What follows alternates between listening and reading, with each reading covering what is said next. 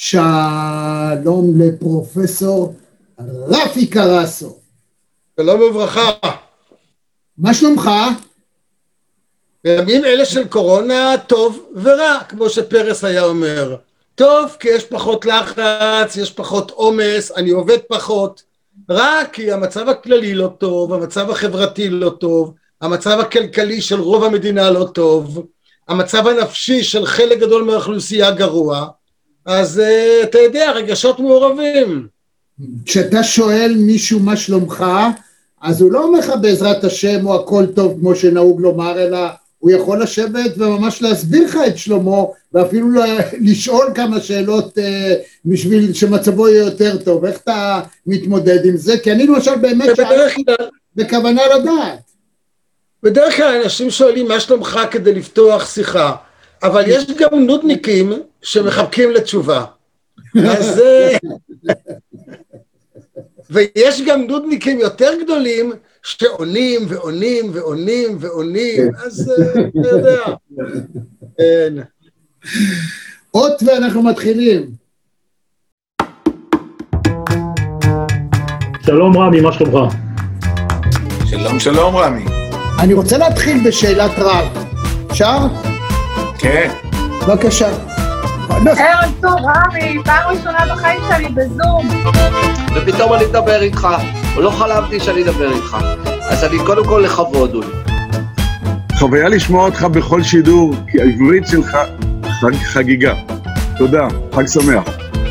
איך המשקפיים שלי? מה זה קוליות? חבל על הזמן.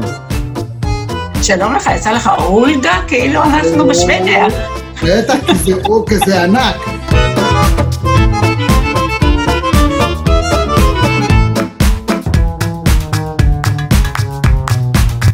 רמי יצהר, הכבוד כולו שלי, תמיד תמיד חיבבתי, אהבתי והערכתי את העבודה המקצועית שלך, וגם בערב הזה, כמו שאני אומר, האנשים הצעירים יש להם את הכוח, אבל אני יודע את הכיוון. אני עשיתי את זה במודע ובמודע לגמרי שאני עלול לשלם מחיר, ובסוף גם שילמתי. אני גאה בזה שהזמנתי אותך לרעיון הזה, עשית הופעה מדהימה, הספה הברודה יוצאת מן הכלל. אני כל יום, פעמיים ביום קורא את האתר שלך ונהנה מהניתוחים ומהכושר ביטוי והיכולת ניתוח. אוקיי, אז uh, כולנו מכירים את פרופסור קרסו מהטלוויזיה, מהרדיו. אגב, אתה יודע, יש לך זהויות שונות, אתה עושה את זה באופן מושלם. כשאתה מדבר ברדיו, למשל, סתם מאזינים שאין להם שום מושג ברפואה, אתה מדבר בשפה אחרת, אתה מסביר אחרת, הלשון שלך אחרת, האופן הדידקטי שבו אתה מסוגל לפנות הוא מדהים. כשאתה עושה בתוכנית רפואה פרופר, כשאתה מארח רופאים, אז לפעמים אני קצת מתבלבל, אני מחסידיך הגדולים, לפעמים אני מתבלבל אם אתה פונה אליי או רק לציבור הסופר מבין, אבל ה- היכולת הזאת להיות דואלי ואפילו יותר מזה, היא מדהימה, איך אתה עושה את זה? תשמע, אני הרבה מאוד שנים לימדתי גם בבית הספר לרפואה וגם במחלקה לפסיכולוגיה באוניברסיטת בר אילן ולימדתי גם אנשים שהם אנשי מקצוע וגם רופאים בקורסים להשתלמויות ובבית ספר ללימודי המשך. אז אני למדתי לדבר גם בשפה יותר פשוטה ועממית וברורה וגם בשפה יותר, בשפה מקצועית וגם בשפות אחרות. אבל סך הכל, סך הכל אולי חלק מה... מהיכולת שלי להביא ולדבר נושאים רפואיים או נושאים מסובכים בשפה מובנת ופשוטה הוא זה שנתן לי את כרטיס הכניסה לתקשורת. ולהתחיל להסביר, אני מדבר עוד כשהיה ערוץ אחד והייתי מפרשן רפואי עוד כשלא היו מומחים ברפואה בתקשורת אז הייתי מסביר בצורה הפשוטה ביותר לכל הדיוט וצריך להגיד, הדיוט זה לא אידיוט, הדיוט זה פשוט לא, ברור. אז לא, יכול להיות שיש פה איזה אידיוט, שלא יודע מה זה הדיוט. תחדד את זה, תח- תחדד עוד פעם, כי שזה לא יהיה אי הבנה ולא התנסות לא, חלילה. חידדנו והכל, למען יהיה ברור אז אני אמרתי.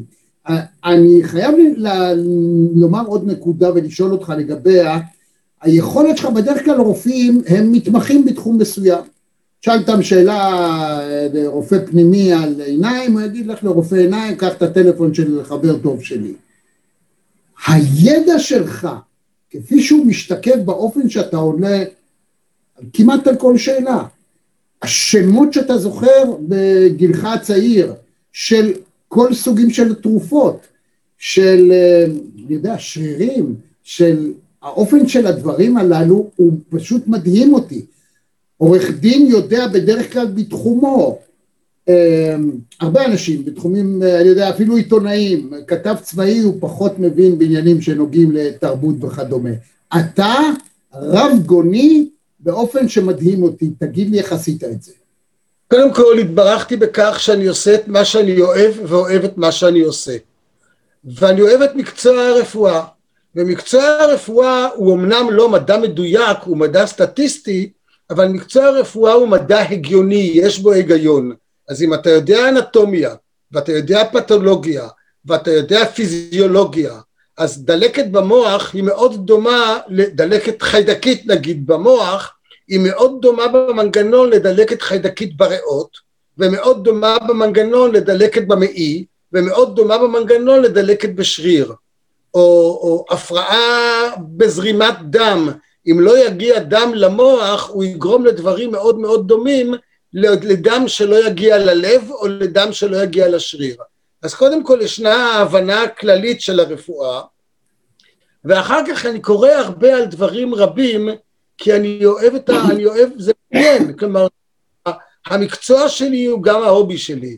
אז חלק גדול מהחומרים שאני קורא ומהמאמרים והמחקרים שאני קורא הם בנושאים שונים כדי, כי זה מסקרן אותי פשוט. אז אני חייב להגיד שמעט מאוד אנשים הם בעלי ידע כל כך מקיף.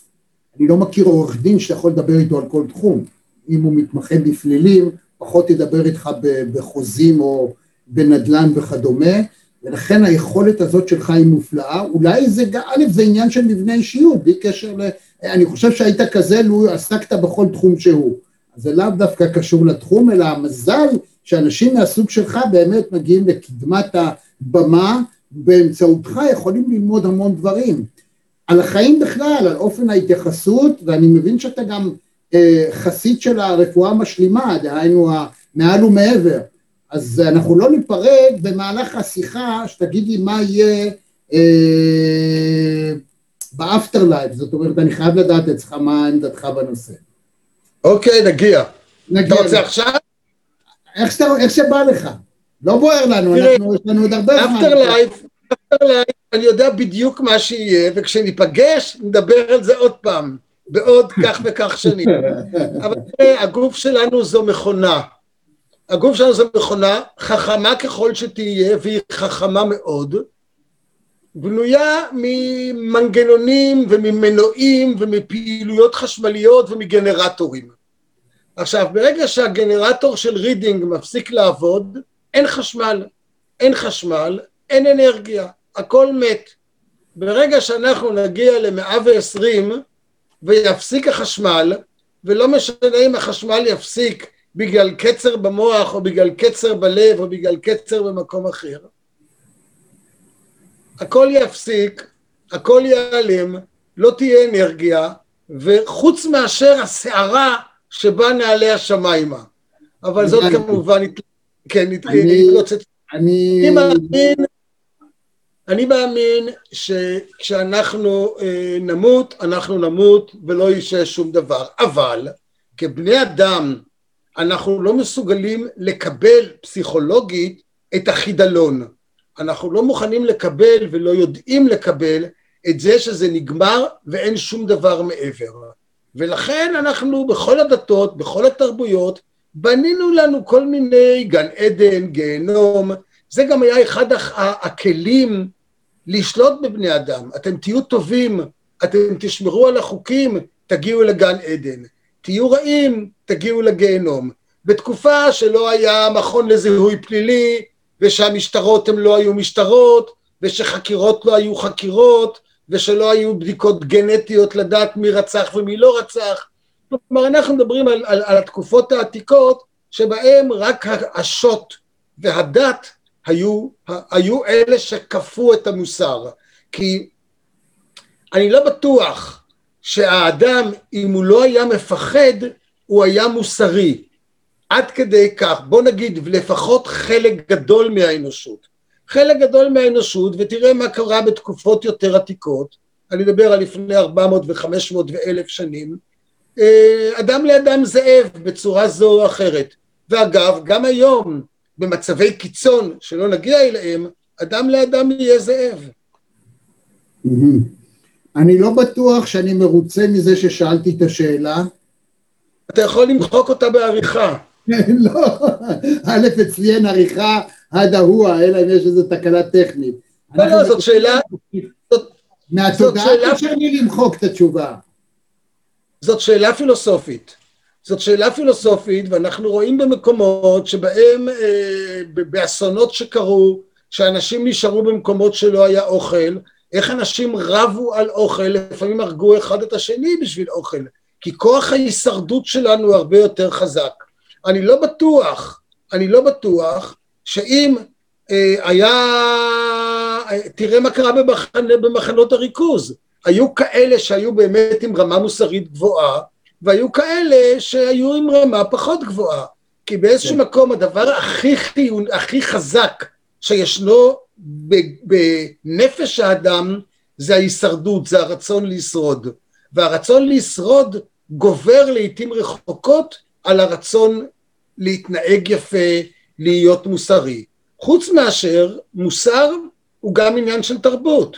אם היינו הולכים לפני 500 שנה, אני ואתה ביאור, שני גברים, ונשים מוסלמיות היו חצות ביאור, והיו רואות אותנו, האם הם היו מסתירות את החזה, אם הן היו ערומות, או את הערווה, או מסתירות את הפנים? גם עכשיו לא. אז זהו, אז אתה... איפה שאנחנו נלך הם אה, רק יורידו, לא ילבשו כלום. כן, אם תלך להם למקום של אנשים, אה, אה, ויש עוד כאלה מקומות של אנשים שהם קניבלים, המוסר שלהם שונה מהמוסר שלך. כן, כן, אבל אני, אני רוצה לדבר דווקא בתחום שאתה בקיא בו, במיוחד הנוירולוגיה, דהיינו, אנחנו יודעים שהמוח שלנו בעצם מחשב על שכמעט בלתי ניתן לפיצוח, זאת אומרת עדיין לא הגיעו למצב שיכולים לבצע פעולות, גם ה-AI מה שנקרא, הבינה מלאכותית, עוד לא מגיעה למצב של יכולת לפענח או לייצר מחשב שיודע לעשות את מה שעושה המוח האנושי ולכן הרובוטים עדיין מוגבלים, אמנם יש סוג של פעולות שהמחשב או הבינה המלאכותית כבר התקדמה, למשל כמעט שאי אפשר יותר לנצח מחשב בשח, אי אפשר, רק אה, ממש לפני כמה ימים אה, נערכו כמה קרבות אוויר בין טובי הטייסים בעולם לבין אה, מחשב על והוא תמיד הפיל את, את המטוס שבו אדם, מדוע? כי הוא יודע לחשב טריליוני פעולות, מה שגאון השחמט הגדול ביותר, במקרה הטוב ביותר יכול 20, 30, 40, 50, 80 מהלכים, ואז הוא יודע לחשב, אבל הוא לא יכול לחשב את ההתנהגות האנושית. אני אומר את זה נגד, כנגד העובדה שפעם אנשים היו בטוחים שכדור הארץ הוא שטוח, ואף אחד עד היום לא באמת יודע איך השיחה הזאת בינינו מתקיימת. מתי מעט יכולים להסביר מה קורה, או מה קורה בטלפון, אנחנו יודעים מה זה שיש אור, אבל לא באמת יודעים מה זה. לכן חשבתי שאולי ה afterlife יכול להיות משהו שאנחנו עוד לא יודעים. אבל הוא קיים. זאת אומרת, זה שאנחנו היום מייחסים הכל לאיזושהי פעולה חשמלית, אולי יש משהו מעבר לזה. תראה, בוא, אם אתה נכנס לשאלה פילוסופית ואני אענה לך בתשובה פילוסופית. Okay. אוקיי. אם המציאות הייתה חד-מימדית, חד-מימדית, okay. אני כן. הייתי רואה את העיניים שלך, לא הייתי רואה חוץ מהעיניים, לא מה שיש לו מעל, לא מתחת, לא ימינה ולא שמאלה. כן. אם המציאות הייתה דו-מימדית, הייתי רואה אותך, לא הייתי רואה מה שיש מימינך או משמאלך, הייתי רואה רק מלמעלה או מלמטה. המציאות שלנו היא תלת-מימדית, אז אני יכול לראות שלושה מימדים. אולי, ואני שואל, אולי המציאות היא ארבעה מימדים, שהמימד הרביעי הוא לא זמן, אלא space. אז אנחנו לא רואים אותו. ואז אני אשאל שאלה, אולי אותם אנשים שאנחנו קוראים להם חולי נפש, הם לא חולי נפש, אלא אנשי, הם אנשי על, שרואים יותר מאיתנו, שמסוגלים לתפוס מציאות ארבע מימדים ולא שלושה מימדים, והם רואים דברים שאנחנו לא רואים. ואנחנו, כי אנחנו הרופאים, קוראים להם סכיזופרנים או משוגעים או כל מיני שמות שאני לא אוהב להשתמש בהם, אבל כדי להדגים על מה אני מדבר. אתה יותר מצודק, אבל אם תוכל גם להתייחס לעובדה שכל הניסויים שנעשו בעבר עם החומרים הפסיכדליים למיניהם, שבהם היום אין שום צד של ספק שאנשים חווים חוויות, רואים מראות, רואים צבעים בספקטרום שהמוח שלנו לא יודע לפענח אותו בלי הדבר הזה, זאת עובדה. אבל, אבל אנחנו יודעים שסמים משפיעים על התודעה ושסמים משנים את הנוירוטרנסמיטורים, את המתווכים העצביים במוח, כן? אנחנו יודעים שיש מחלות מסוימות, אם תיקח את, ה, את הניגודים שבין פרקינסון למשל לשיגעון, לסכיזופרניה, כן? אני מטפל בפרקינסון, אני מטפל בנוקשות, אני יכול לקבל הפרעות בחשיבה, אני מטפל בהפרעות בחשיבה או במחשבות שווא, אני יכול לקבל תופעות פרקינסוניות. כלומר, הדבר הוא לא כל כך פשוט. מצד שני, אנחנו, יש לנו במוח כל מיני אה, אה, רצפטורים, קולטנים לנרקוטיקה. יש לנו קולטנים לאנדורפינים, למורפינים טבעיים. אז זה אומר שיש לנו מורפינים טבעיים. יש לנו במוח רצפטורים לקנבינואידים. כלומר, יש לנו, במוח יש חומרים דמויי קנאביס. שפועלים כמו קנאביס. כלומר המוח שלנו בבילטין שלו יכול ליצור כל מיני הלוצינציות. מה זה חלום? מאיפה המוח מוציא את האינפורמציה? אז יש לנו מרכז ראייה שהוא מרכז פיזי, אתה רואה עכשיו אותי, אני רואה אותך, אבל יש לנו גם מרכז אסוציאטיבי או מרכז פסיכי, כי גם אם תעצום את העיניים כרגע, אתה יכול לראות איך אני נראה, או גם אם אני יצאתי עכשיו מהמסך, אתה יכול לדמיין איך אני נראה. כלומר, המוח שלנו, יש לו מנגנונים מאוד מאוד חכמים שאנחנו, כפי שאמרת, לא יכולים להסביר אותם. ואם אני אחשוב על המקצוע שלי, בעוד שלוש, עשרים שנה לא יצטרכו רופאים, יצטרכו רק כירורגים, mm. משום שכל מחשב פשוט... טכנאים, טכנאים, טכנאי מחשב. כן, יכול לעשות הבחנה רפואית יותר מדויקת מרופא. רופא מחפש את מה שהוא יודע. רופא יודע סימנים שמתאימים למחלה. יש סימנים, הוא מתאים אותם למחלה. מחלה שהוא לא מכיר, הוא לא מאבחן. אין ספק. ולכן, לעומת זה מחשב, אם תרשים זרימה נכון, כואב לך הראש? כן, לא, כן, ביום, בלילה, בלילה, כן, במצח או מעורף, בעורף, כן, לא. ובתרשים זרימה המוח יכול להגיע, המחשב יכול להגיע להבחנה מדויקת הרבה יותר טוב, הרבה יותר מהר מאשר רופא. ויגיד לך פרופסור אה, נוח הררי, שאותו טכנאי מחשבים גם יוכל לכייל ולשנות, אם יש בעיה הוא יזיז, הוא יתקן, הנוירוטרנסמיטורים שיש לנו במוח הם גם ברי תיקון, אפשר, אפשר לתקן הכל. היום אנחנו את זה, אני לא צריך את נוח, שכבודו במקומו מונח בכבוד גדול ורב, כן? איש מדהים, איש מדהים. איש מדהים, אבל, אבל אדם נמצא בדיכאון, חסר לו סרוטונין, אני נותן לו כדור, מעלה לו את הסרוטונין, הדיכאון משתפר. אדם כן. נמצא בחרדה, יש לו עודף של אדרנלין, אני מוריד את האדרנלין, הוא נרגע. כלומר, אנחנו, אנחנו הנוירולוגים או הפסיכיאטרים יכולים קצת לדעת, קצת, לשחק עם החומרים הכימיים שמשפיעים על התודעה ועל המודעות.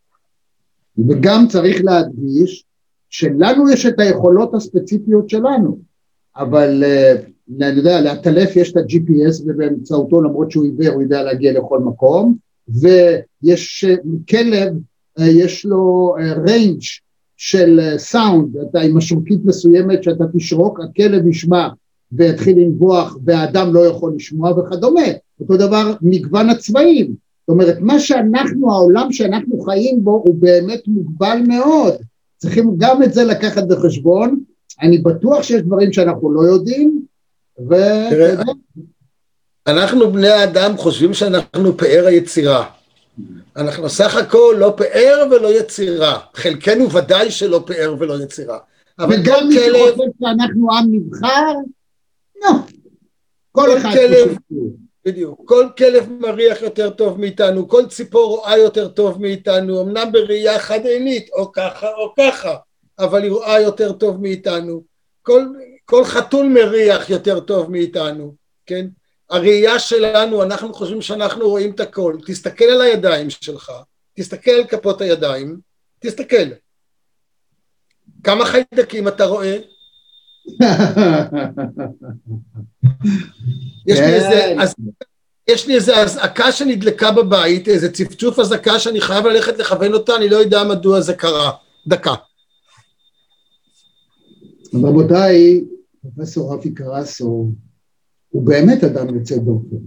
זה אדם שכדאי לכם להקשיב לו, זה אדם שהידע שלו הוא מדהים, ויש לו גם תוכניות רדיו, הוא אגב גם אה, סופר, פסל, צלם, מבקר מסעדות, שזה דבר באמת יוצא דופן, אני אדבר איתו גם על זה, והרב גוניות שלו, היכולת שלו אה, לתקשר עם אנשים היא נדירה, היא מקסימה, היא מדהימה. ורפי קרסי זה אחד האנשים, ואני חשבתי לעצמי, לכל אחד צריכה להיות רשימה של חמישה, שישה, עשרה אנשים שהיה רוצה לפגוש בחייו. לשבת ולשוחח איתם. הוא לא ידע הנה חזרת, בינתיים אני דיברתי עם... כן, אני מתנצל, פתאום ההזעקה התחילה לפעול אצלי בבית, ההקדמה של ההזעקה, אז אה, סגרתי אותה. כן.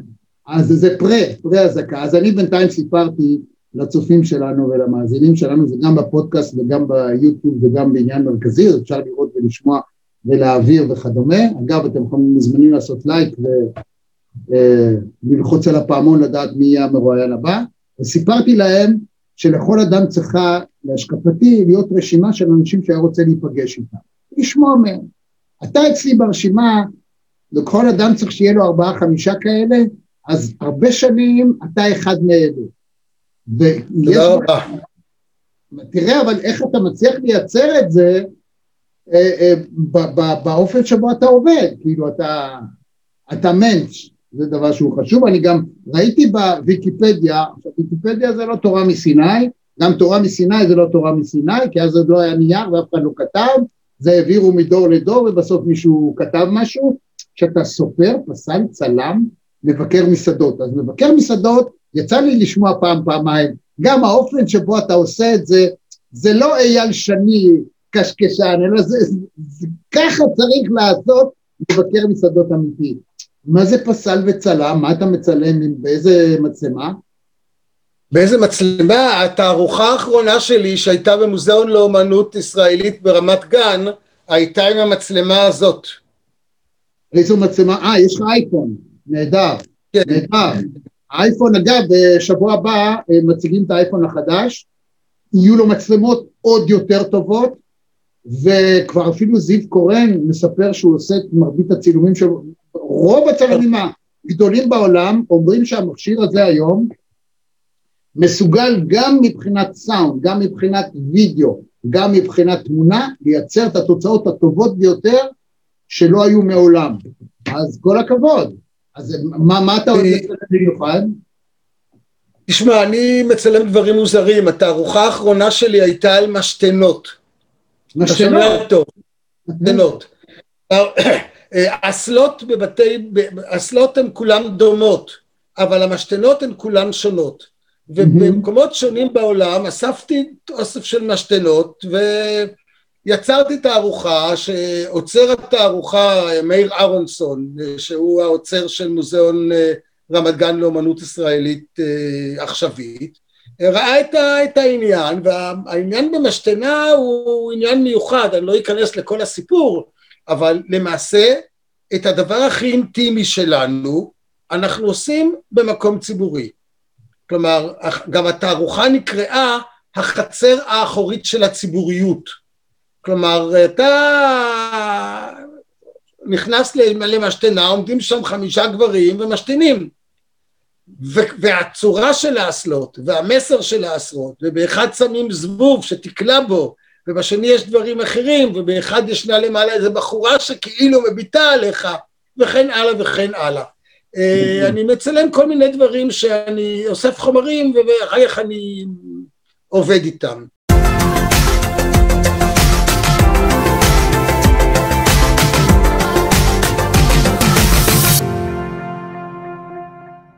אם הזכרת משתנה, אני ראיתי השבוע איזו תוכנית טבע שבאחד המקומות שמישהו מבקר באיזו עיר, אז באמצע הרחוב יש משתנות של, של גברים, ומי שהכתבת הולכת אחורה וככה אומרת, אולי אני אשאל את זה, היא ניגשת למישהו באמצע הרחוב, אתה מכיר את העניין הזה של משתנה ברחוב?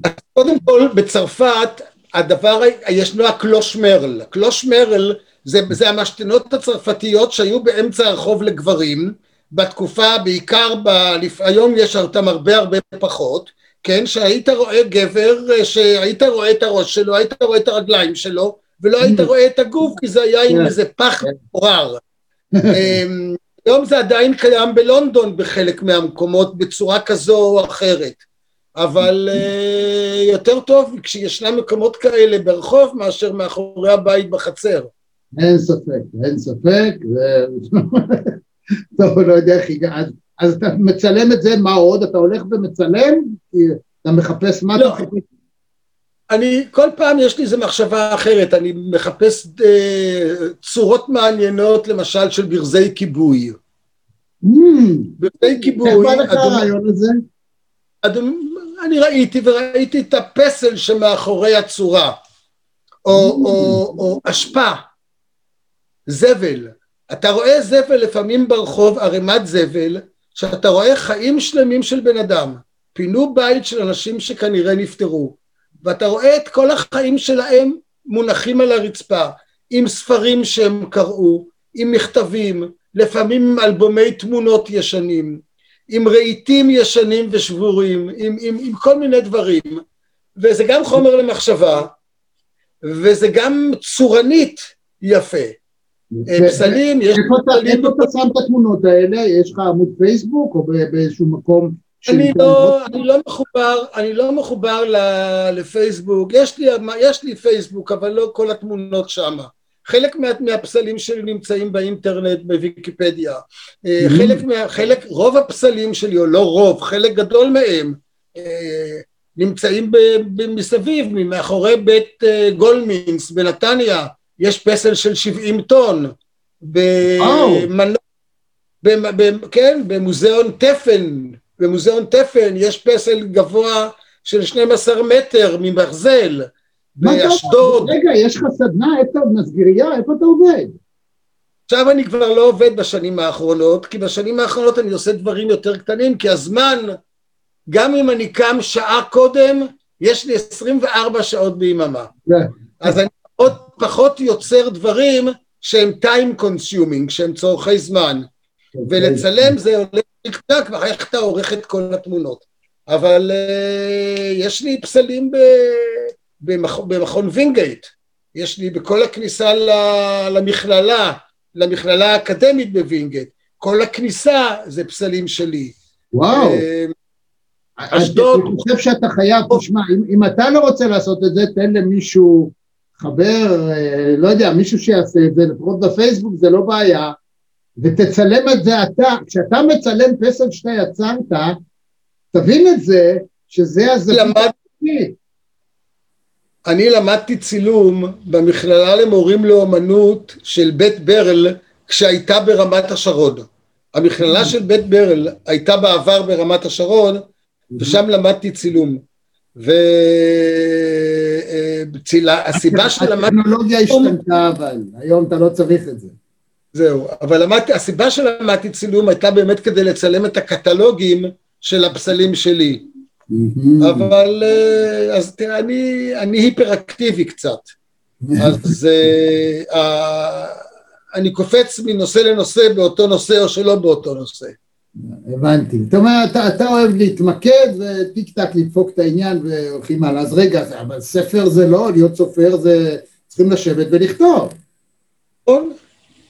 ועכשיו יש לי ספר שעשיתי הגעה שלו, אז כתבתי כבר כמה ספרים, אבל הספר האחרון שלי, שהוא כן. האחרון שהוא הוא בבישול, הוא כן. ספר שכתבתי למעלה מ-20 שנה, על עיכוב תהליכי הזדקנות, ויש לי אולי יומיים או שלושה של עבודה על הגעה מדעית, לא הגדה, הגעה לשונית, כן. וחשבתי שבקורונה, בסגרים, יהיה לי זמן, יש כן. לי זמן, אבל אין לי אנרגיה לשבת לעשות את זה. וואו. רגע, אתה רוצה להגיד שזה רלוונטי מה שכתבת לפני עשרים שנה על תהליכי הזדקנות שאני שומע היום, כל יום מישהו אחר מספר לנו על דברים אה, חדשים? רק רגע. בטח. אגב, זה לא שקופית, הרבה מאוד אנשים שאני מראיין אותם, יש להם שקופית של זה הספר, anti-aging. או, ממתי זה? זה מלפני עשרים שנה.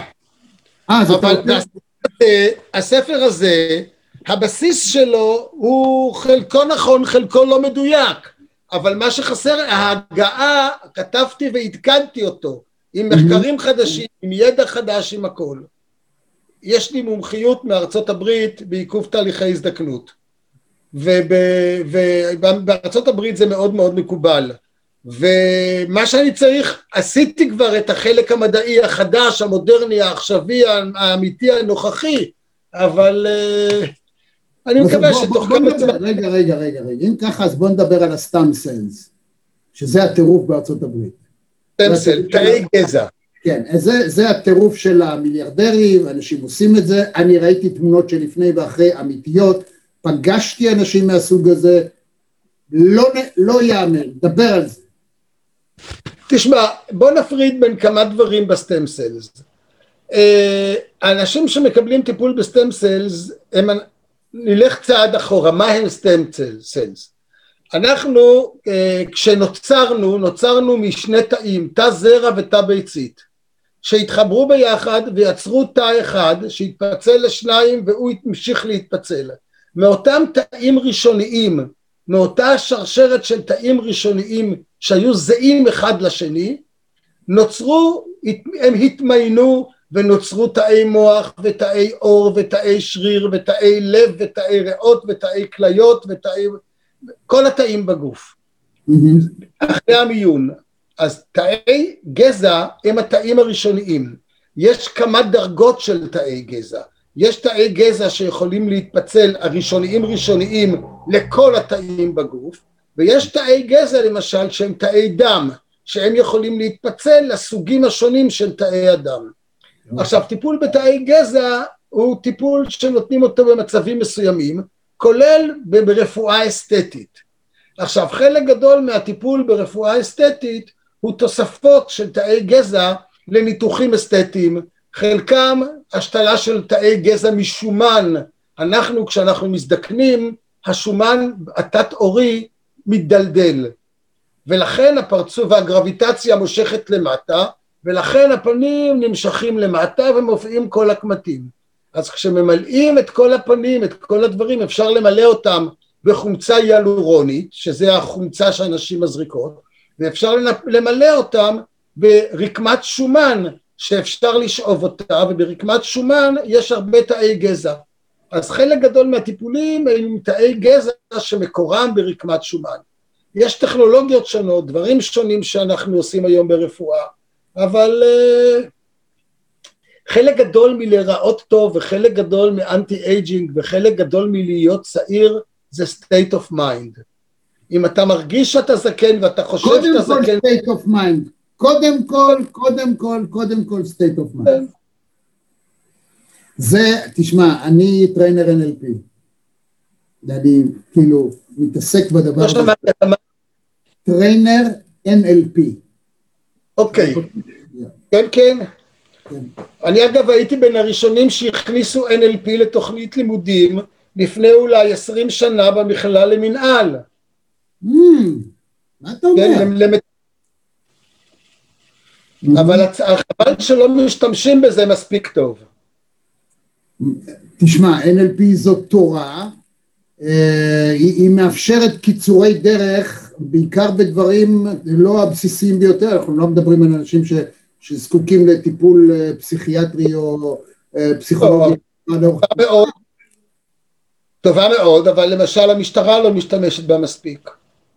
המשטרה יכולה די מהר לדעת אם אדם שנותן לה עדות, אם הוא מפנטז את העדות או אם הוא נזכר בעדות. לאן הוא מסתכל? בגלל זה שאלת אותי בהתחלה על המשקפיים. יכול להיות- שאתה NLP מוסווה ואתה לא יודע אפילו. אז זה לא, נכון. זה נכון, אבל היום יש טכנולוגיה, אגב, אתה מדבר על חקירות, אז היום יש טכנולוגיה שמצלמים את הנחקר מהרבה מאוד זוויות, ויש מחשב אפילו שיודע לאבד מכונת אמת בו בזמן, ומישהו אומר באוזן, באוזנייה, הוא אפילו לא יודע, לחוקר, תלחץ בנקודה הזאת, דבר איתו בנקודה הזאת. אגב, היום אני לא ממליץ לכם בכלל לשקר. אה, אם אתם לא יודעים לבנות סטורי כמו שצריך, עדיף להגיד את האמת. עורכי דין יגידו לכם לא, אבל אני אומר לכם שלהגיד את האמת גם זאת אופציה. לפעמים אפשר להגיד את האמת. אז אם... זאת האופציה הטובה ביותר, בדיעבד זאת האופציה הטובה ביותר. נכון, נשאל את אולמרט. מה קורה בהיסטוריה של חלק גדול מחברינו ומוקירי זכרנו. אין שום צל של ספק. אז ה-NLP הוא מאפשר, אם אתה דיברת, לייצר לאדם, לעזור לו, להגיע ל state of mind הנכון, לפתרון החל מבעיה ספציפית ועד באופן כללי, להתגבר על פחד מסוים, יכול להיות פחד במה או לדבר, או אה, יחסים עם אדם מסוים, אה, משהו שמפריע לו, למשל דחיינות, אם אני פוגש מישהו שכבר עשרים שנה רוצה לה, רק לעשות עריכה לספר שלו ולהוציא אותו, אני בחמישים דקות, בפגישה אחת, אני ממש גורם לו במקום לעשות את זה, גם אם הוא פרופסור, כי לכולנו, כל אחד יכול לעזור למישהו אחר, לעצמו קצת פחות. אז אה, גם, גם זאת אפשרות. יכול מאוד להיות שאני צריך, יכול מאוד להיות שאני צריך לקחת אסיסטנט מדעי שישב איתי, ואז ברגע שאני יושב איתו, הרי אני צריך לשבת איתו, אני לא יכול לתת לו את הספר ולהגיד לו תעבוד, אז אני יושב איתו ואז אני עושה את העבודה.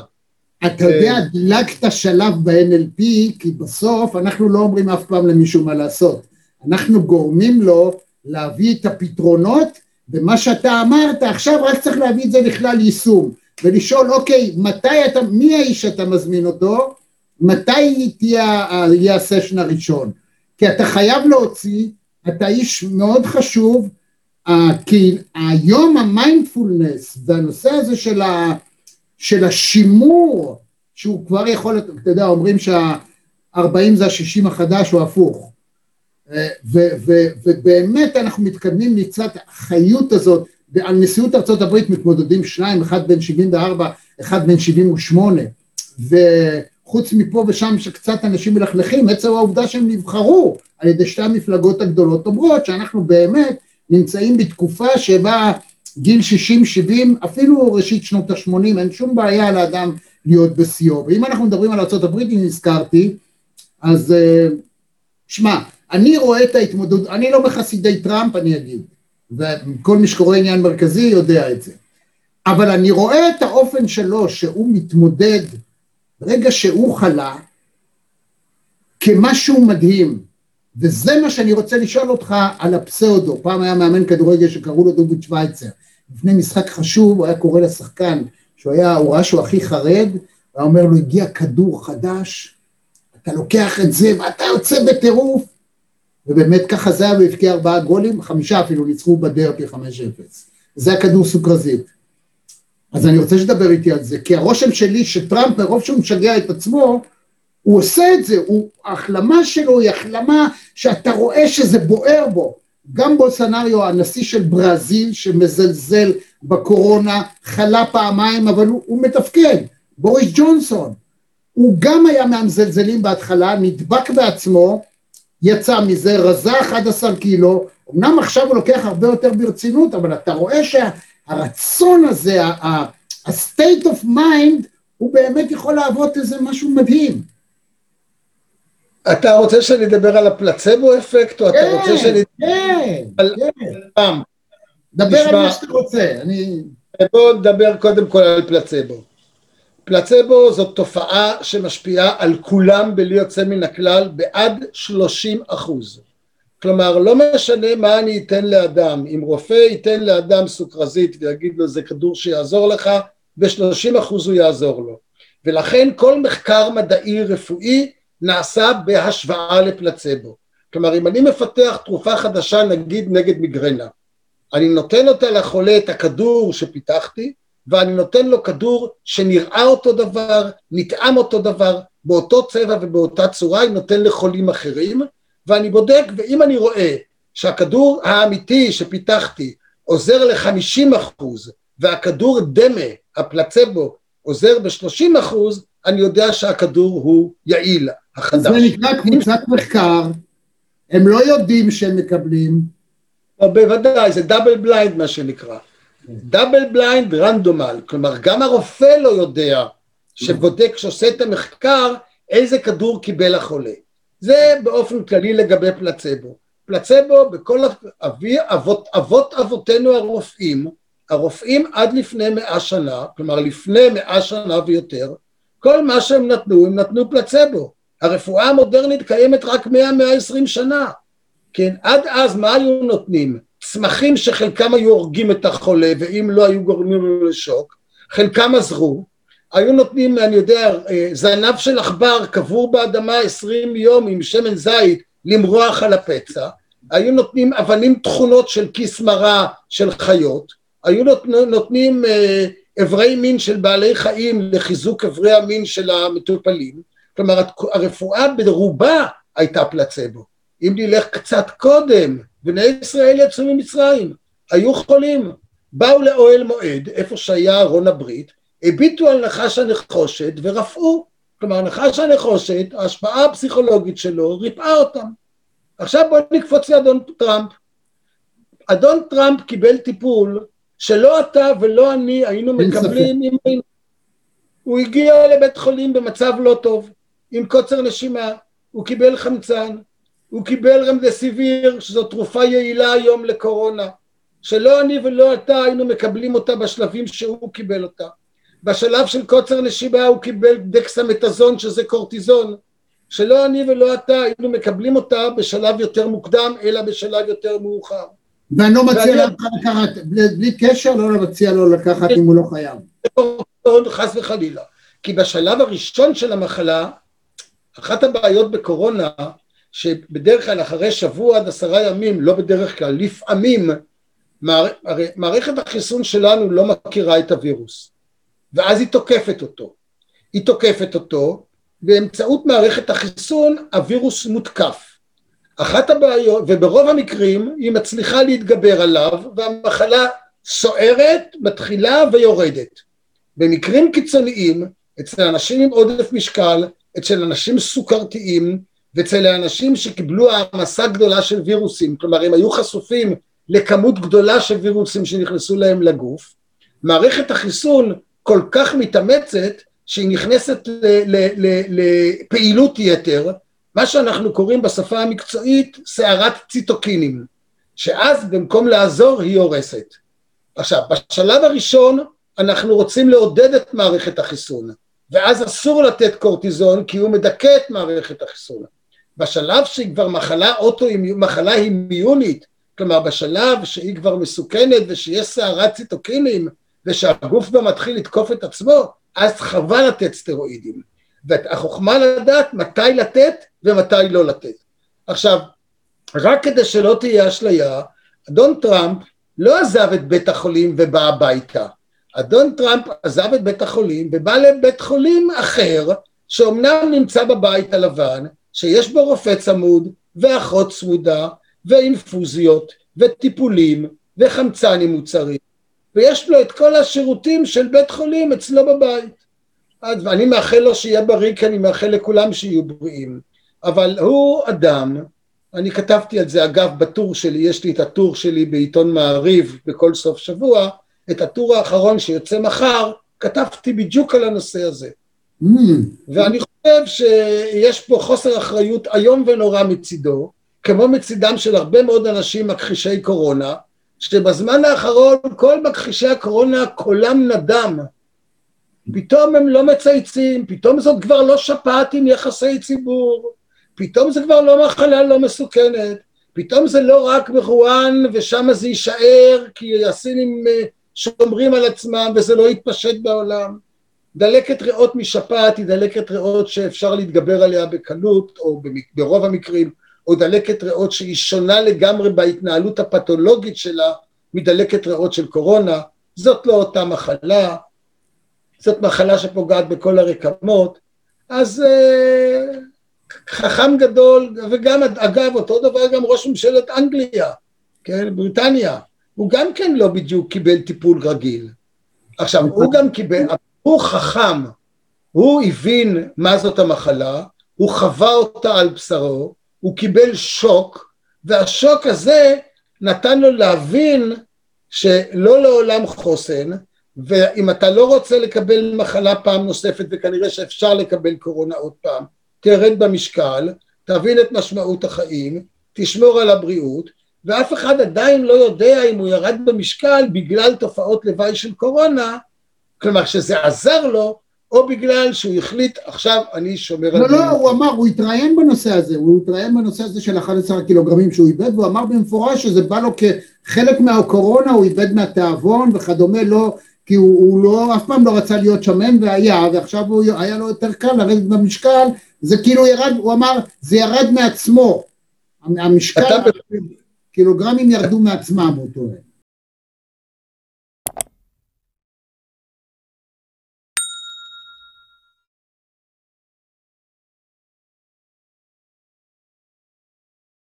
אתה מבין שאם אתה זללן של לחם וריבה ושוקולד וגלידה, ופתאום ללחם ולריבה ולשוקולד ולגלידה אין טעם, אז אתה לא אוכל אותם או אתה אוכל אותם פחות, ואז אתה יורד במשפט.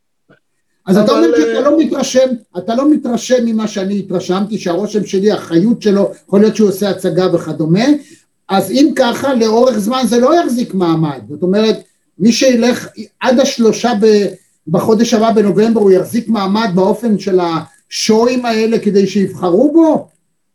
לא יודע, אם ייתנו לו סטרואידים, הרי סטרואידים גם מעלים את האנרגיה ועושים אותו, הוא אמר גם שהוא מרגיש יותר טוב מה שעשרים, הוא מרגיש יותר טוב כמו לפני עשרים שנה.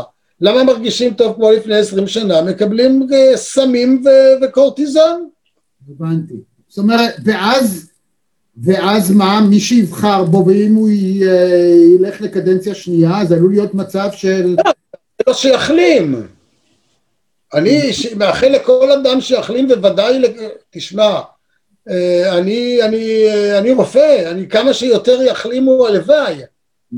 והלוואי שיהיה מספיק תרופות שייתנו לכולם, והלוואי שיהיה מספיק חיסונים, ובמהרה בימינו, כמו שאומרים, אמן, אבל... אה, אני, אבל מצד שני אני לא רוצה שאנשים יזלזלו, אני רוצה שאנשים ישמרו על עצמם, כי זו מחלה שאם אתה שומר על עצמך, אתה יכול למנוע הידבקות, ולא להידבק אתה, גם לא להדביק אחרים. אז ישנה פה, מדברים על אחריות... רציתי לשאול אותך, ת, תסביר לי, הואיל והדרך לא, להיבד... לא להידבק היא כל כך פשוטה, שני מטר, רבאק, שני מטר, חתיכת בד על הפנים, לא כמו ב-91 מסכת... אה, אני יודע מה, חמצן כזה דבר ענק כמו במלחמת העולם שחיילים הלכו ארבע שנים, מלחמת העולם הראשונה. מה, מה, מה הבעיה הגדולה? שני מטר, חתיכת בד, אל תתקהל חודשיים, הכל יהיה בסדר. למה בני האדם בכל העולם לא מסוגלים לעמוד בזה? תסביר לי בבקשה. לא בכל העולם. לא בכל העולם. במדינות של חפיף, במדינות של יהיה בסדר, במדינות כמו מדינות הים תיכוניות שאנחנו מאוד דומים להם והם מאוד דומים לנו, כן?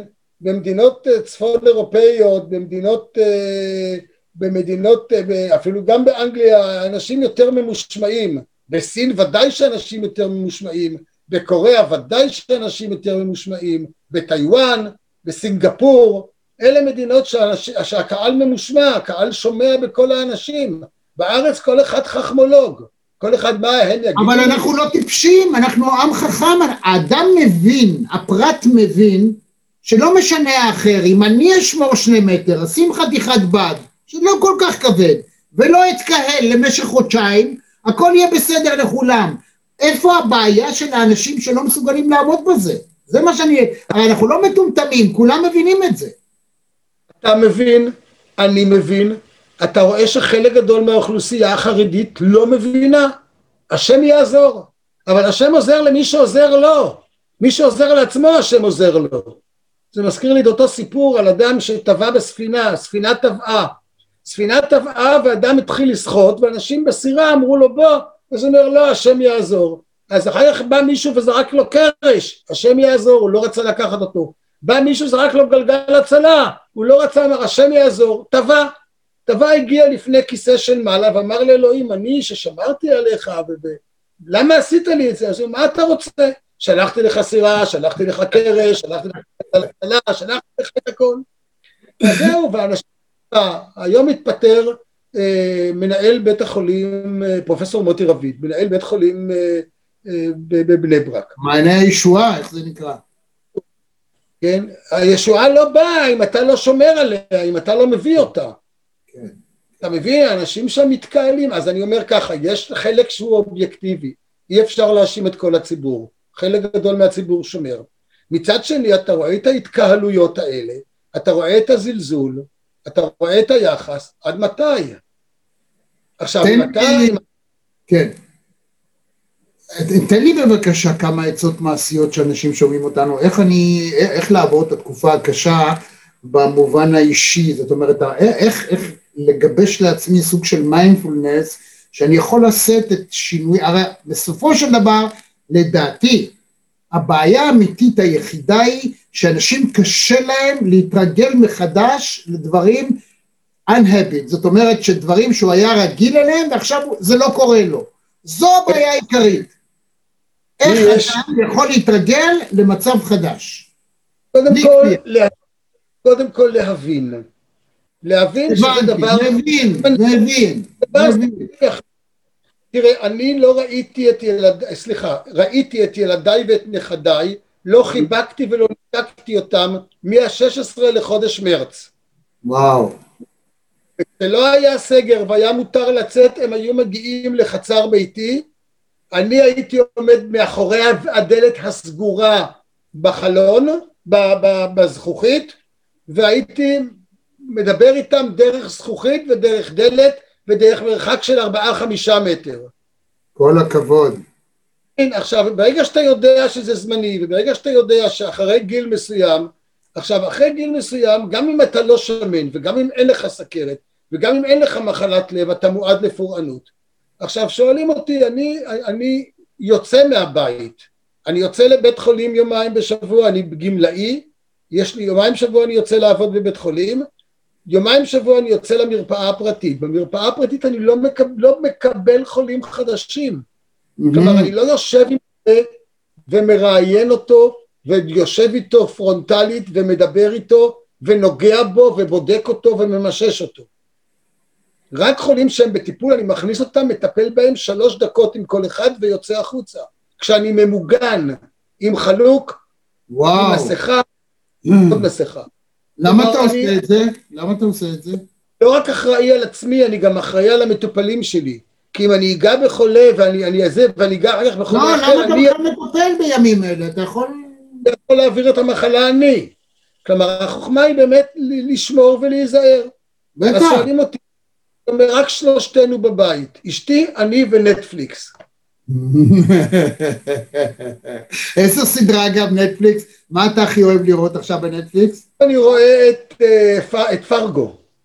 פרגו. מה פרגו? עכשיו אתה רואה את פרגו? לא היה לי נטפליקס עד הקורונה. אה, אתה כן, רואה את אני- הסדרה פרגו או את הסרט פרגו? הסדרה. הסדרה לא מתקרבת לסרט, שהוא אחד הסרטים הגדולים בהיסטוריה. אני כל חיי הבוגרים לא ראיתי, אני אומר בכל חמישים שישים השנים האחרונות, אני לא מדבר על גיל ההתבגרות כי אז לא היינו הולכים הרבה לסרטים, היינו מתפלחים לגן רינה או לבית העם בתל אביב, אני מהדור ההוא, אבל בכל חמישים שישים השנים האחרונות, כן, את כל, לא ראיתי סרטים כמו שראיתי בשלושה חודשים האחרונים. נהדר, אז מה, תן, תן, תן, נו תן, מה, כולנו מנויים בנטפליקס, תן לנו את נקודת המבט. כולם כבר ראו את זה שנים, את הכתר ראיתי, את הומלנד ראיתי, את פרגו עכשיו אני רואה, אה, את ריטה, שזה על מורה בצפון, כן. זהו. נהדר. המבט שלך למעלה, אתה רואה, כששאלתי אותך מה אתה רואה, הסתכלת, כל NLPיסט מזהה מיד עד כמה הזיכרון שלך, זאת אומרת מי שטריינר, זה מה שאני מלמד את החניכים. אתה, אני יכול לדעת עד כמה הזיכרון שלך הוא טוב, או הוא נחלש, עד כמה זה קרוב אצלך ואתה לוקח את זה מזיכרון קרוב או רחוק. בקיצור, אני הכי... הזיכרון שלי לא כמו שהיה, הזיכרון שלי רחוק ממה שהיה, בעיקר זיכרון לשמות אה, ולפרצופים, אבל אה, אני מקבל את זה, אתה יודע, באים אליי בממוצע, בימים כתיקונם, לא בתקופת קורונה, אה, שישה שבעה אנשים בגילי בערך בש... בחודש, עם ביטחון שיש להם אלצהיימר. ואני מרגיע אותם שזה מה שאנחנו קוראים זיכרון תלוי גיל, או הפרעת זיכרון תלוית גיל, או age related memory impairment. אבל הזיכרון הוא לא כמו שהיה, ולא רק הזיכרון, הרבה דברים לא כמו שהיו, ואולי טוב שכך. ולמה אנחנו זוכרים דברים מלפני 40 שנה ממש, ו- ודברים שקרו אתמול פחות? מאוד מאוד אופייני, הדבר הראשון שנפגע בגיל, בגיל ובאלצהיימר ובהפרעות זיכרון תלויות גיל או בירידה קוגניטיבית קלה, זה זיכרון רסנטי, זיכרון אה, חדש, אה, זיכרונות אחרונים, אה, והזיכרונות מלפני 40-50 שנה נשארים מקובעים, מדויקים וחדים, וכאילו יותר חדים אפילו ממה שהיו. אנשים יכולים לספר לך שבמלחמה הם היו גרים ברחוב זה וזה, בקומה שלישית, והשכנה קראו לה גברת ככה, ככה, והיא הייתה מכינה את הבצק, והייתה עושה את התפריט הזה והזה, כלומר הזיכרון הוא לפרטי פרטים. וככל ש...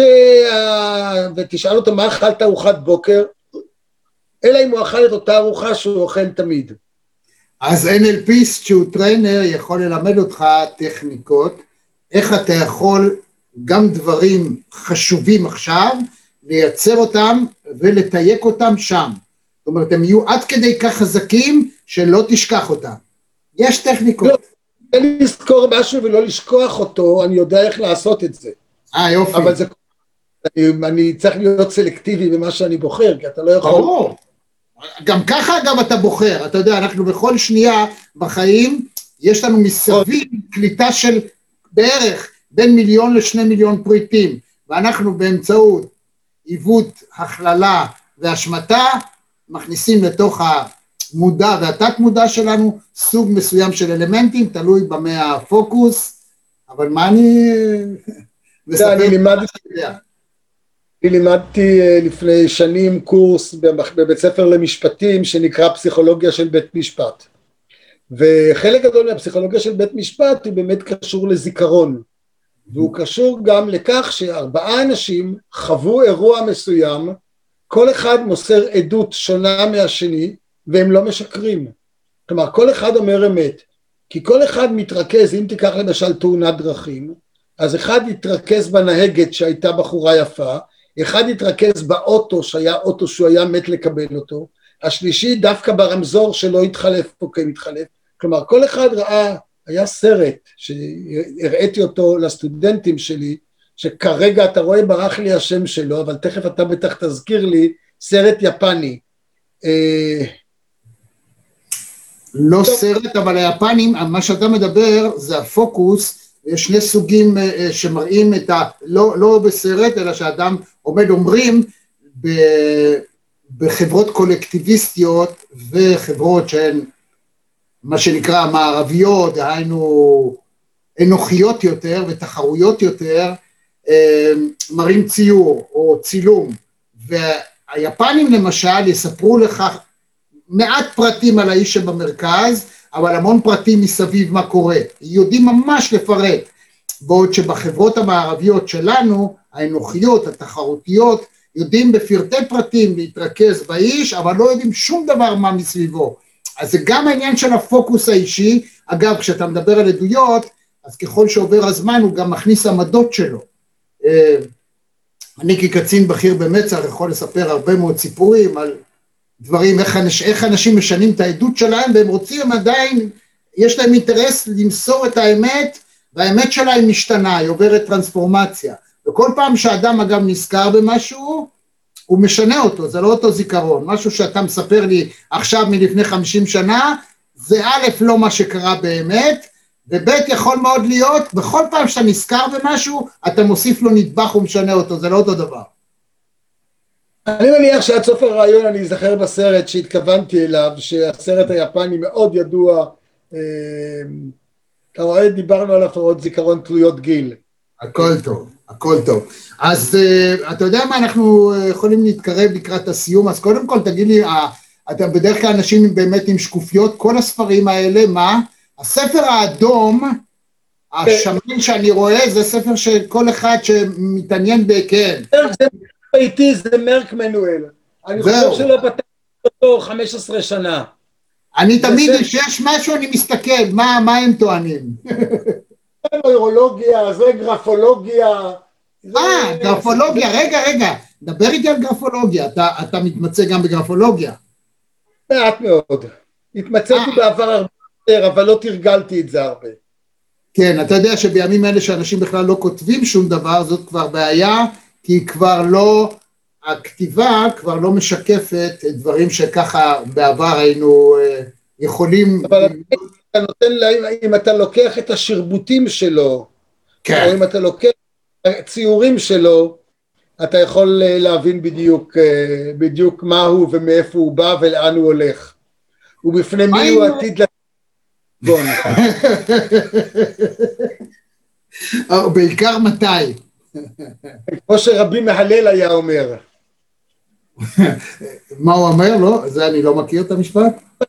יודע מאיפה באת או לאן אתה הולך. לאן אתה הולך, כן, כן. באת מטיפס, אתה הולך למקור באפר רימה ותולעה, אבל בוא נמשיך. תוספים? אני חושב שאני...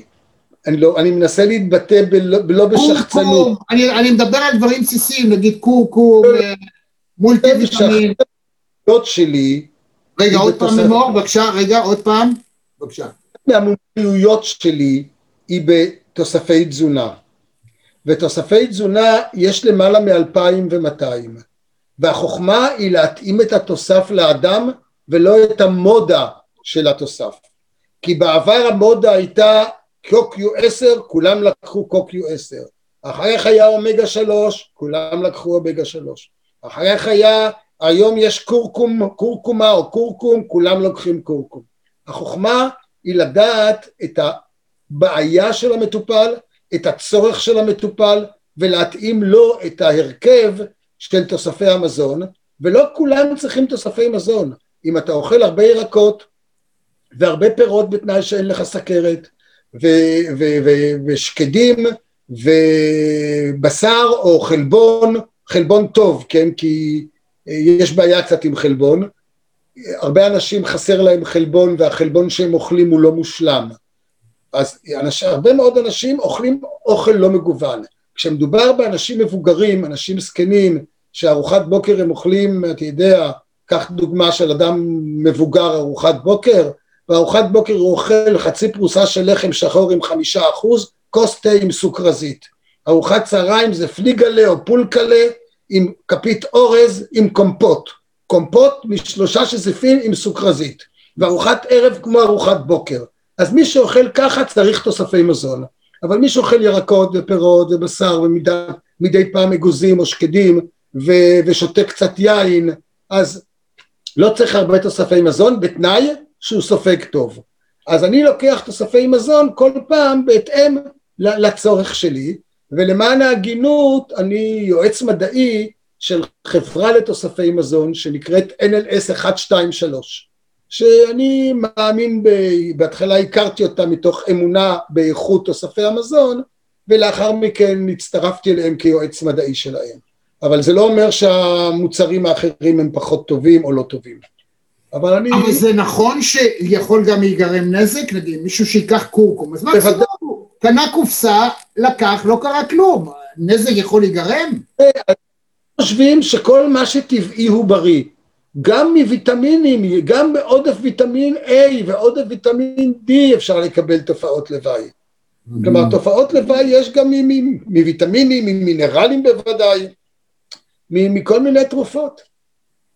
לכן, איך אמרתי פעם, יהיו מזונותיך תרופותיך ותרופותיך מזונותיך, כלומר לאכול ירקות ופירות ו, ואוכל מגוון. אגב, הדיאטה הים תיכונית שאנחנו אוכלים עם טחינה, עם שמן זית, עם זיתים, עם סלט, עם דגים, זו הדיאטה הבריאה. ולהוסיף אנשים מבוגרים, ויטמינים, מינרלים, אנטי אוקסידנטים, פוליפנולים. יפה, יפה. מה, תשמע, אתה יודע שזו חוויה לדבר איתך. תודה רבה. מה, על מה נדבר ככה, נגמור עם, נסיים עם משהו אופטימי כזה? אופטימי בתקופה שלנו זה אנחנו צריכים לקרב לבבות. אנחנו צריכים לא להיות שיפוטיים, אנחנו צריכים לדעת שכולנו נולדנו בצלם וכולנו אותו דבר ולא משנה אם אתה יהודי או מוסלמי או ערבי או, או דרוזי או, או גיי או טראנס או, או, או לבן או שחור, כולנו בני אדם וכולנו בנויים אותו דבר ואיך אמר שייקספיר אם אתה צובט אותו הוא לא נצבט אם אתה דוקר אותו הוא לא מדמם כלומר כולנו אותו דבר אז אם נפיץ יותר חום ויותר אהבה ונפרגן יותר אחד לשני, העולם שלנו יהיה הרבה יותר יפה. וחלק נוסף שהייתי אומר, לאהוב גם את עצמנו. לאהוב את עצמנו, לפרגן לעצמנו, כי מי שלא אוהב את עצמו, לא מסוגל גם לאהוב אחרים. הואיל ואתה הזכרת את שייקספיר, אז נאמר את, את קביעתו שכל העולם במה, והבמות שאתה מופיע, אתה עושה עבודה מדהימה לטובת הכלל, שזה באמת באמת באמת חשוב. כן ירבו אנשים כמוך, והאופן שבו אתה מגיש, תמשיך ככה, לתת מעצמך, ומה אני אגיד לך, שנהיה בריאים. אמן. אם, אם ולהיזהר, אני חושב שצריך להיזהר, מסכות, מרחק, לרחוץ ידיים ולהיות בריאים. לא להתקהל, לא להתקהל, לא להתקהל, זה הכל, פשוט מאוד. חתיכת בד, שני מטר, לא להתקהל, ואתם תחיו לנצח. אז זה לא... לא, לא, זה יש חילוקי דעות ביני לבינך. אתה יודע, ירצו ייקחו את עמדתך, ירצו ייקחו את עמדתי. אני חושב על... אני לקחתי את ה-84 גלגולים מאסיה. יש ספר שנקרא בלוז, נדמה לי של א' כהן, נדמה לי שהוא כתב אותו, ובספר הזה הוא מתאר עיר דמיונית שכל זמן שאתה נמצא בתוך החומות אתה המוות לא נכנס לשם. ובשלב מסוים... זה היה מבחינת הבגרות שלי הספר הזה. כן, אז זהו, בשלב מסוים אנשים מרגישים שקצו בחייהם, יוצאים החוצה, מחוץ לחומות, יושבים על האבן ומוסרים נשמתם לבורא עולם.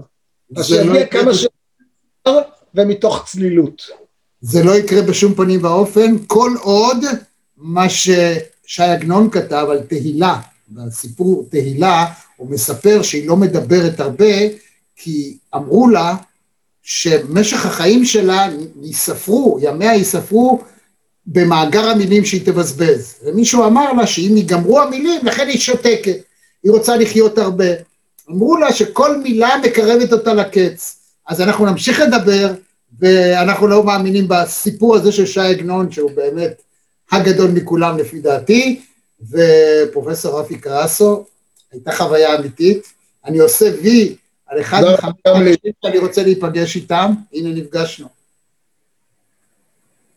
כל טוב, להתראות. ביי ביי. עד כאן מהדורה נוספת של מרכזי TV. אם היה לכם כיף, אם נהניתם, אנא לחצו לייק וגם על הפעמון כדי לקבל רמז על המפגש הבא שלנו. אני רמי יצהר, להתראות. שלום רמי, מה שלומך? שלום שלום רמי. אני רוצה להתחיל בשאלת רב. אפשר? כן. בבקשה. ערב טוב, רמי, פעם ראשונה בחיים שלי בזום. ופתאום אני מדבר איתך, לא חלמתי שאני אדבר איתך. אז אני קודם כל לכבוד, אולי. יש דברים שהימין צדק, יש דברים שהשמאל צדק. מה שבטוח, הימין לא צדק בכל והשמאל לא צדק בכל. אז תעזבו את זה.